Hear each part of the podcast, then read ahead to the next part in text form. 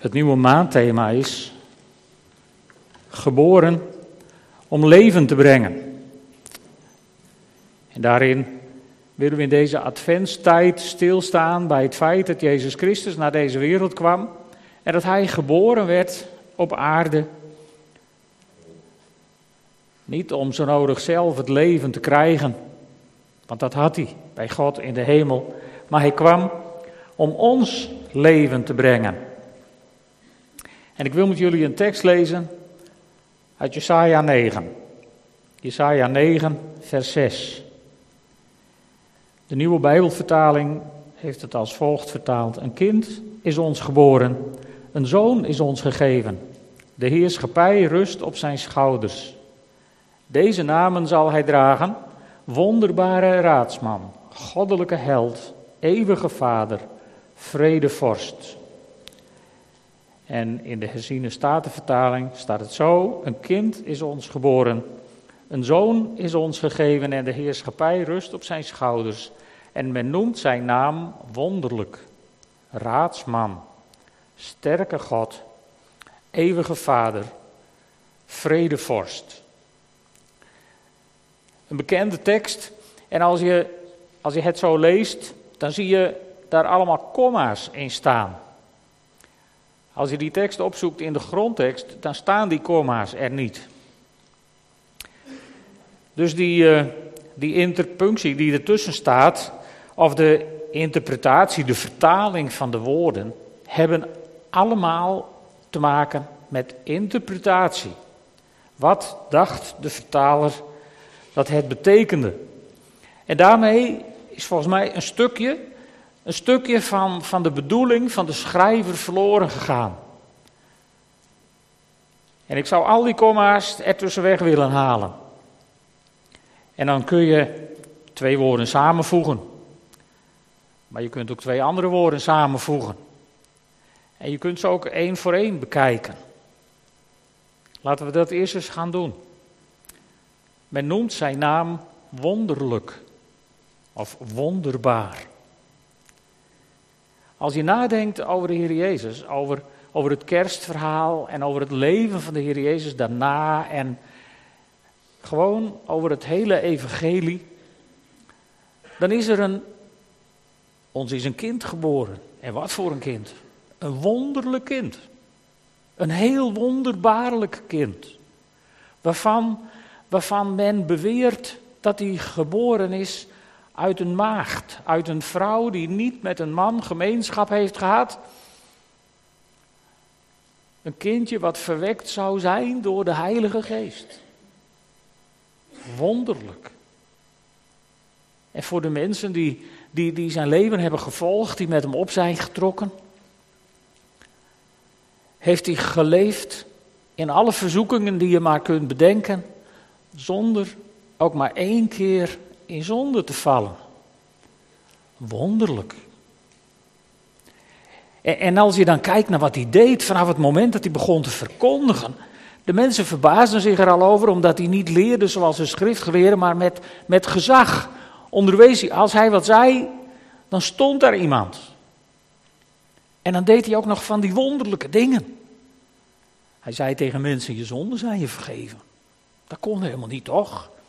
En, en ja, daar kon je dan je twijfels nog over hebben. Maar hij zei ook tegen mensen die hun hele leven al op bed hadden gelegen: sta op en wandel. En dan gingen ze staan en dan gingen ze naar huis.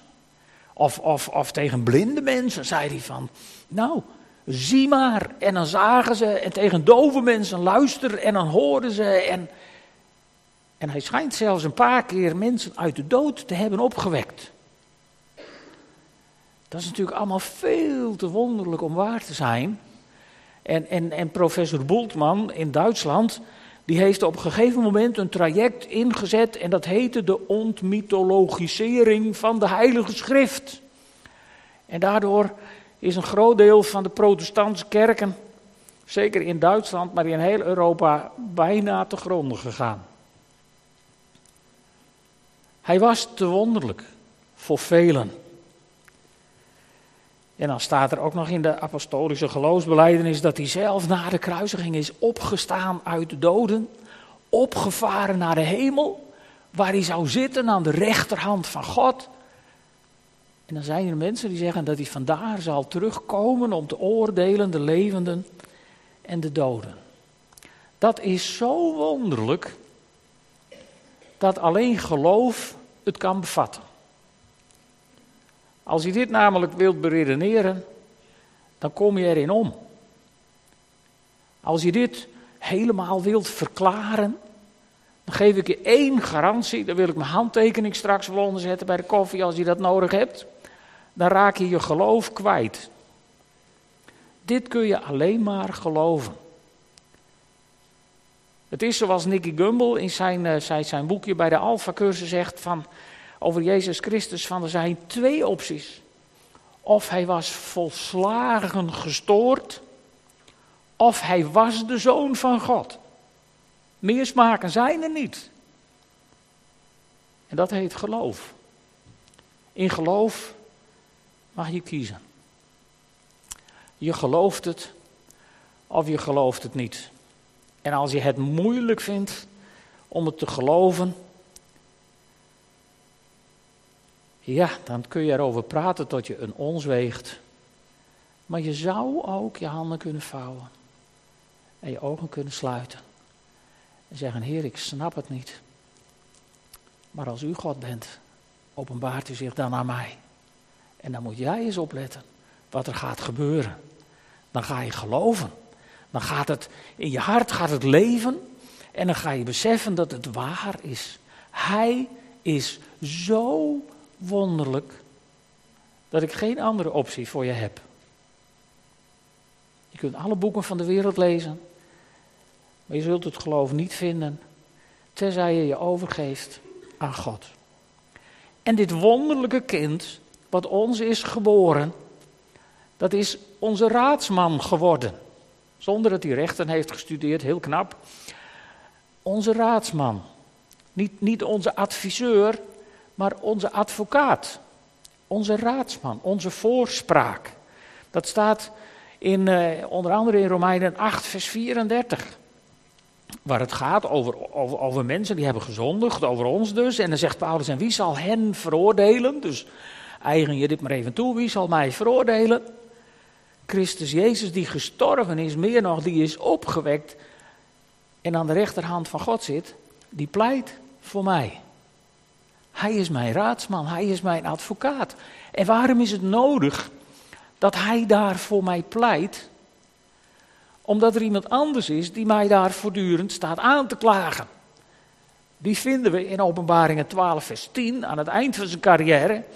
En daar staat, toen hoorde ik een luide stem in de hemel zeggen, nu zijn de redding, de macht en het koningschap van onze God werkelijkheid geworden. En de heerschappij van zijn Messias, Jezus Christus.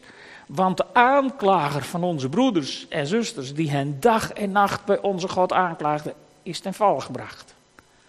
Dat is de toekomst die we voor ogen hebben. Als je dus gelooft in dit wonderlijke kind, is hij jouw raadsman geworden, waar hij bij God voortdurend voor je pleit, tegenover die anderen die je voortdurend probeert aan te klagen. Alleen het mooie van deze rechtszitting is, is dat de uitspraak lang geleden al gedaan is. Je bent namelijk vrijgesproken, omdat hij raadsman is. En de aanklager die gaat op een dag ten val komen. En zo hebben wij een wonderbare raadsman. Een hele wonderbare raadsman. Want ik zal je vertellen, als je voor de rechter moet verschijnen omdat je wat hebt, wat, wat hebt gedaan, wat niet door de beugel kan, en je hebt een raadsman nodig, dan is die loeiduur. Dat kost een kapitaal, als je een beetje goede wil hebben. En, en zo is het niet met deze raadsman. Hij pleit voor ons terwijl wij hem niet hebben ingehuurd. Heel wonderlijk, heel bijzonder. Wij hebben hem niet ingehuurd, maar toch pleit hij voor ons. En, en, en onder dat pleiten gebeurt iets heel bijzonders. Hij komt niet met smoesjes aan voor onze zonden. Hij komt niet met verhalen aan over dat we een slechte jeugd hebben gehad en zijn gepest op school. En dat we het allemaal niet hebben getroffen en dat we het allemaal niet kunnen helpen en dat we er eigenlijk niks aan kunnen doen. Nee, het is een hele wonderbare raadsman. Je moet je voorstellen, je staat voor de rechter en, je hebt, en, en, er komt ineens een raadsman aan, heb je niet op gevraagd. Die vraagt ook niet om betaling. Nee, ik, ik betaal het zelf wel, je hoeft nergens over in te zitten. En, en dan ben je aan de beurt, die raadsman is aan de beurt om wat te zeggen. En die gaat naar de rechter en die zegt, ja, ik, ik heb geen enkel excuus. Hartstikke schuldig. Helemaal fout. Verschrikkelijk wat hij heeft gedaan. Ik stel voor dat we hem veroordelen. Maar weet je, zegt hij dan tegen de rechter, als je mij nou veroordeelt, dan kan hij een stempel krijgen, niet schuldig, en dan mag je naar huis. Dat zou een rare rechtszitting zijn. Dat zou het acht uur journaal halen. Zo'n rechtszitting. Dat zijn wij niet gewend. Maar het staat in de Bijbel, in Psalm 34, vers 22, de herziene statenvertaling. De Heere verlost de ziel van zijn dienaren. Allen die tot hem de toevlucht nemen, worden niet schuldig verklaard. Vorige week heb ik daar volgens mij ook over gehad, over die tekst. Dus je krijgt met deze raadsman een stempel. Paf, niet schuldig. En de raadsman, die neemt de straf op zich.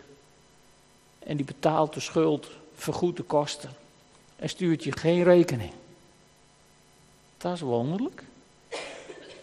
Dat is heel wonderlijk. Zo'n raadsman. Maar er is nog meer met dat kind wat ons geboren is hoor, want je zult er maar zo één krijgen. Hij is, hij is God, zegt Jesaja. Hij is God. Hij is God.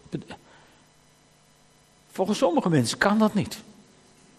Daar laatst met iemand nog een hele discussie over gehad. Van nee, Jezus kan geen God zijn, want alleen de Vader is God. En toen trapte ik daarin en probeer je iemand uit te leggen hoe het werkt. Dat de Vader God is en de Zoon God is en de Heilige Geest God is. En na minuut vijf dacht ik van hou hier maar weer op, want ik raak mezelf kwijt. Toen heb ik gezegd, joh, wij geloven in een drie God. Vader, Zoon en Heilige Geest. En dat geloof je. Of je gelooft het niet, maar ik ga het je niet uitleggen, want ik snap het niet. En daarmee was die discussie ten einde. Maar hij is God. Hij is God. De zoon is God. Dat staat, staat ook in de Bijbel. In Johannes 1, vers 1. In het begin was het woord. En het woord was bij God en het woord was God. Nou is Johannes sowieso ingewikkeld, maar dit vers ga ik niet eens proberen om je uit te leggen. Het was bij God en het is God. Oké. Nou, dit moet je gewoon geloven. Dat is het hopeloze van dit kind wat is geboren. Je moet het geloven. En anders kom je erin om. Hij is God. En door de hele geschiedenis van de kerk heen, je ziet het al in hele vroege geschriften van de jonge kerk. Vanaf het allereerste moment heeft Satan geprobeerd om dit als twistpunt de kerk binnen te dragen. En er is wat over afgestreden. Over de godheid van Jezus Christus. Het heeft ook heel wat scheuringen en toestanden veroorzaakt. Maar goed, hij is God. Je gelooft het of je gelooft het niet. Dus ik ga er niet veel meer van zeggen. En hij is ook sterk. Sterk is hij. Kijk maar naar de wonderen en tekenen die hij deed. En, en het, mooiste, het mooiste beeld van zijn kracht, van zijn sterkte, dat is het moment van de opstanding. Maar ook dat geloof je, of dat geloof je niet. Ik zie het voor me in de Bijbel zie je dat verhaal. Hoe, met een aardbeving en een hoop gedoe iedereen op de vlucht slaat en er een engel uit de hemel komt, als een bliksemflits uit de hemel komt. En die rolt die hele grote steen aan de kant. En vervolgens hollen er allemaal mensen naar binnen met, met, met AED's en toestanden. En die gaan Jezus reanimeren om te kijken of ze meer aan de praat krijgen. Nee, helemaal niet. Helemaal niks van dat alles. De steen wordt weggerold. En de eerste, de beste die het graf binnenloopt, die komt tot de conclusie, hij, is hier niet. Wonderlijk, vind je niet? Wonderlijk. Sterk, sterk verhaal. Je gelooft het of je gelooft het niet. Maar als je het gelooft, dan weet je dat je een sterke God hebt. Een hele sterke God. En, en als we daar volgens mij als christenen wat meer van overtuigd zouden zijn dat we een hele sterke God hebben, zouden heel veel christenen anders in het leven staan.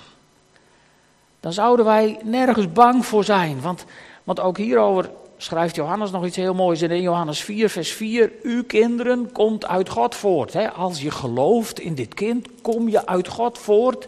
Ben je als het ware een onderdeel van, van, van Jezus Christus geworden. En u hebt de valse profeten overwonnen. Met andere woorden, je bent gestopt om het te snappen en om het te beredeneren. Maar je hebt gezegd, ik geloof het. Heer, hier ben ik. Ik geloof. En toen is de Heilige Geest in je komen wonen. Dat moet je ook geloven, dat kan ik je ook niet uitleggen. Maar het is gewoon zo. Neem van mij aan, de Heilige Geest is in je komen wonen toen je ging geloven in Jezus Christus. En dan zegt Johannes, en hij die in u is, is machtiger dan hij die in de wereld is.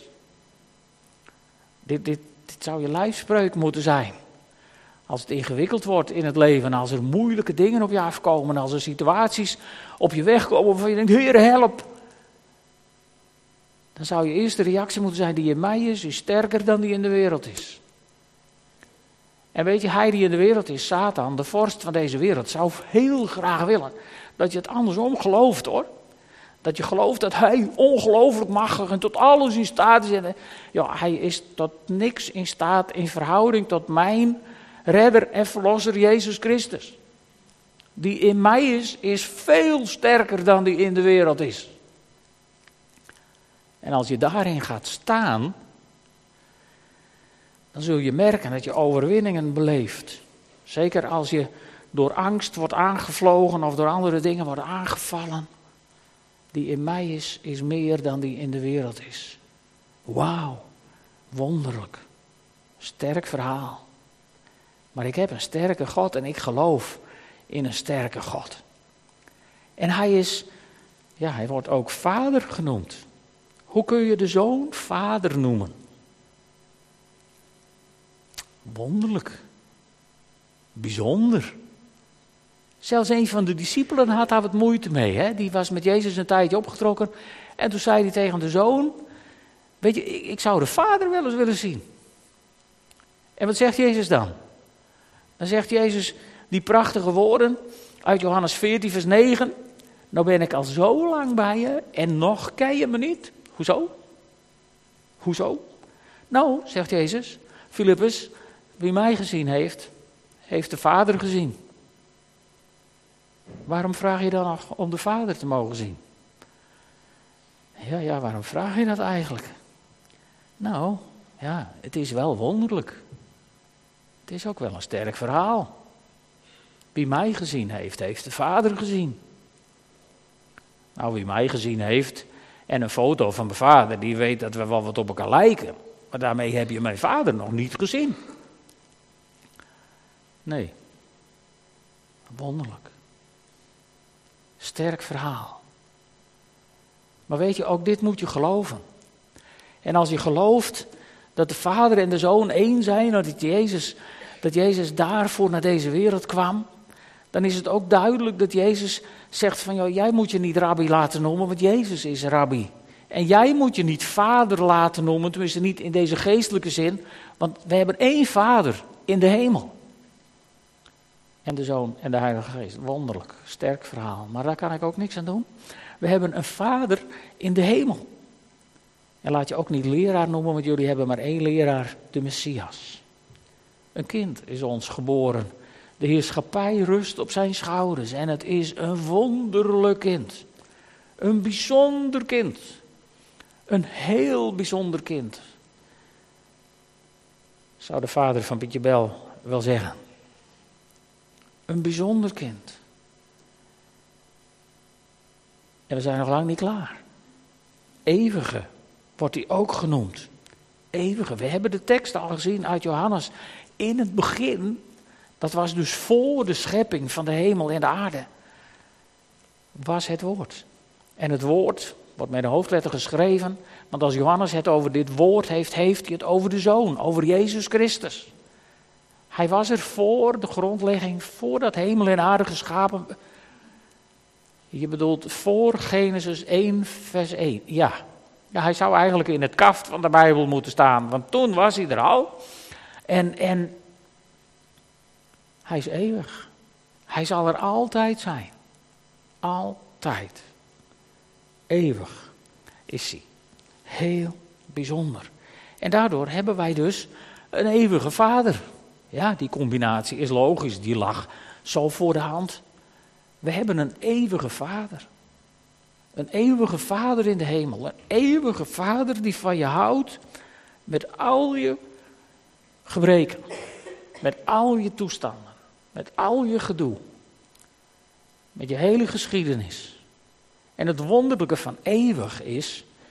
Het wonderlijke van eeuwig is dat er in eeuwig zit geen tijd. Weet je, sommige mensen hebben misschien nog steeds, nog steeds het gevoel of het beeld erbij van eeuwig, dat is heel lang. Maar volgens mij is dat niet zo. Eeuwig is volgens mij bijna een oogwenk. En in die ene oogwenk, in, die ene, in dat ene ogenblik, overziet God alles. Kun je je bijna niet voorstellen, maar alles. Vanaf het allereerste begin tot het allerlaatste einde en alles daartussen.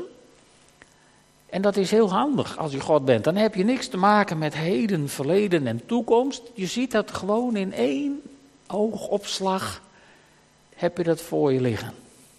Wonderlijk. Sterk verhaal, Willem. Ja, absoluut. Het is een sterk verhaal. Maar ik geloof ook in een sterke God. Die een wonderlijke zoon heeft gekregen. Een eeuwige vader. Geweldig. En dan het woord vredevorst, ook nog aan elkaar geschreven. Zo staat het er helemaal niet. Laten we beginnen met het woord vorst. Het is bijna winter, dus vorst. In het Engels staat er Prince of Peace. Daar is het, ja, daar is het niet één woord. Het, het is ook niet één woord. In het Hebreeuws ook niet. Vorst is het eerste woord. Vorst. Hij is de vorst. Hij is. Ja, is hij eigenlijk de vorst in jouw leven? Dat, zou even een goede vraag zijn, misschien even tussendoor. Is, is hij de koning van jouw leven? Is hij de vorst? Hij, hij zegt het zelf tegen zijn discipelen in Matthäus 28. Dan zegt hij tegen zijn discipelen: Mij is gegeven alle macht in de hemel en op de aarde. Zo. En dan zegt hij: Ga op weg, maak alle volken tot mijn leerlingen. door ze te dopen in de naam van de Vader en de Zoon en de Heilige Geest. En hun te leren dat ze zich moeten houden aan alles wat ik jullie opgedragen heb. En houd dit voor ogen: Ik ben met jullie alle dagen tot aan de voltooiing van de wereld.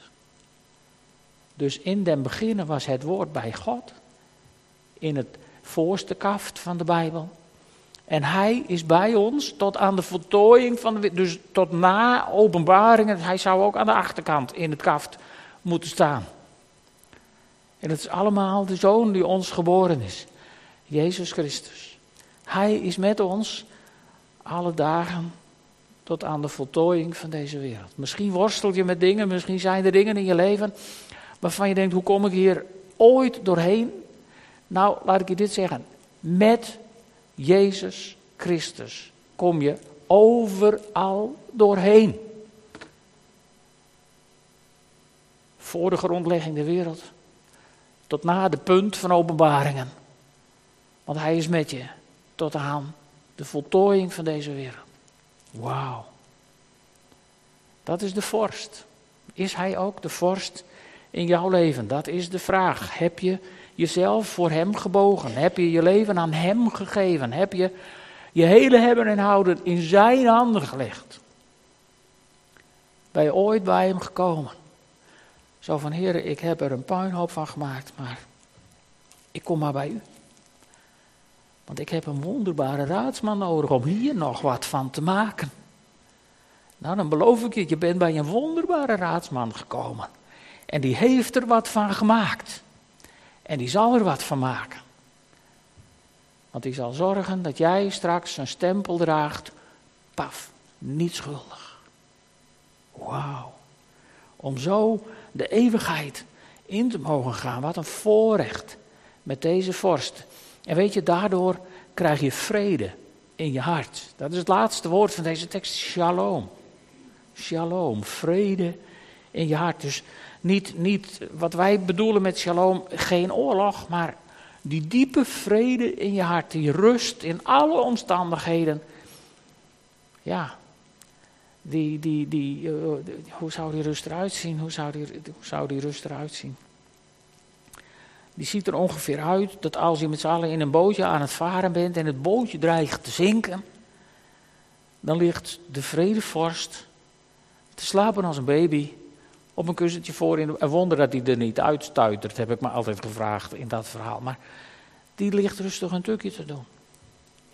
En, en, en als Petrus in de gevangenis zit, terwijl Jacobus net onthoofd is, ik bedoel, nou, dan zou ik me zorgen maken in de cel. Ik weet niet hoe het met jullie is, maar ik zou, ik, ik zou daar van wakker liggen. En Petrus die slaapt, jongen, die slaapt.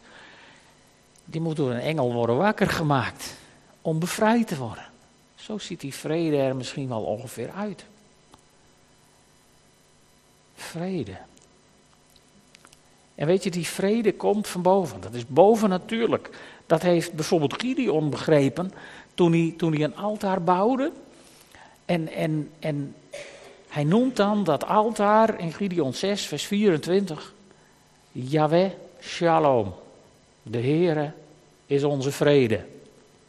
Of God van de vrede, hoe je het maar wilt vertalen. Hij had het door.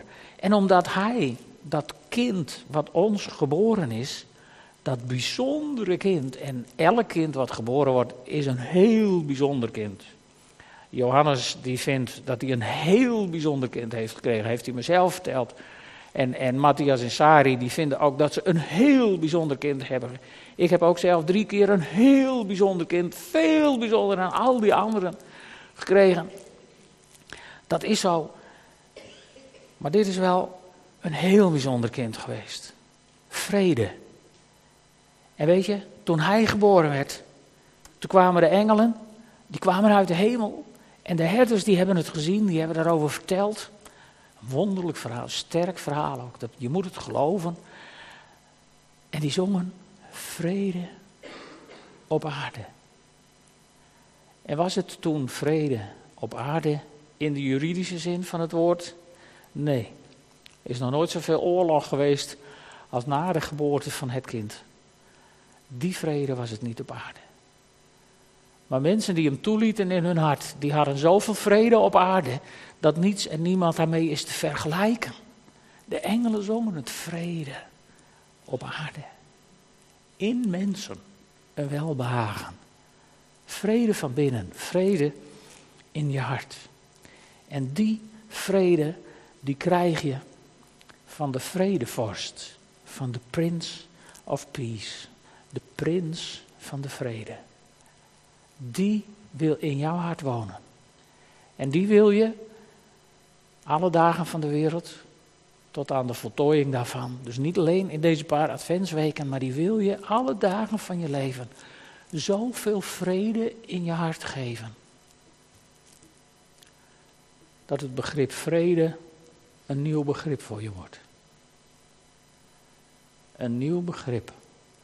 Waarmee je naar deze wereld die in brand lijkt te staan en die met de dag explosiever lijkt te worden. Dat je naar die wereld kunt kijken. Met een vrede in je hart.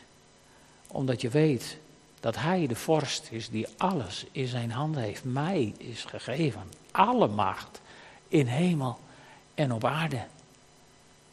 En ik ben bij jou tot aan de voltooiing van deze wereld. En die in mij is, is sterker dan die in de wereld is. Waar zou je je dan nog druk over maken? Een kind is ons geboren. En wat voor een kind. Zullen we gaan staan en samen bidden? Vader in de hemel, Het begrijpen is mij te wonderbaar, zegt de psalmdichter op een gegeven moment. En als we zo nadenken over, over, over dat bijzondere kind wat naar deze wereld kwam. Eigenlijk u zelf, vlees geworden, om zichtbaar te worden voor ons. Heer, dan is het begrijpen ons oprecht te wonderbaar. Dan mogen we met de psalmist zeggen, ik kan er niet bij. En dat was ook uw bedoeling. Want Heer, als wij erbij zouden kunnen, dan zouden we ook hier weer een zootje van maken. Heren, maar u hebt ons uw Heilige Geest gegeven. U hebt ons het vermogen gegeven om, om te geloven, om ja te zeggen tegen dit bijzondere kind. En u hebt de heerschappij op zijn schouders gelegd. En wij willen buigen voor het kind. Zo wil ik u prijzen tot in alle eeuwigheid. Heere, u was er voor de grondlegging van de wereld, voor de schepping. En u zult er zijn tot ver na de voltooiing van deze wereld. Heer, in het nieuwe Jeruzalem, in alle eeuwigheid. En dan zult u ons uitleggen hoe het werkt. Heer, wat een geweldig vooruitzicht om zo dichter bij u te mogen komen en u te mogen leren kennen. Maar u hebt ons ook de mogelijkheden gegeven om u hier telkens weer te leren kennen, te zien en te ervaren. Heer, en daar verliet u ons deze prachtige tekenen van brood en wijn na. Om telkens weer ons te realiseren hoe wonderlijk het allemaal is. Hoe sterk dit verhaal is. En hoe krachtig ons geloof mag zijn. Als het gedragen wordt door uw Heilige Geest en keer op keer bevestigd wordt in de tekenen van brood en wijn. En zo bid ik u om het brood en de wijn van het avondmaal, wat we zo meteen gaan vieren, tot een een bijzondere zegen voor ons te laten zijn. Dat vraag ik van u in die wonderbare naam van Jezus Christus. En zo zegen ik het brood en de wijn in de naam van de Vader en de Zoon en de Heilige Geest. Amen.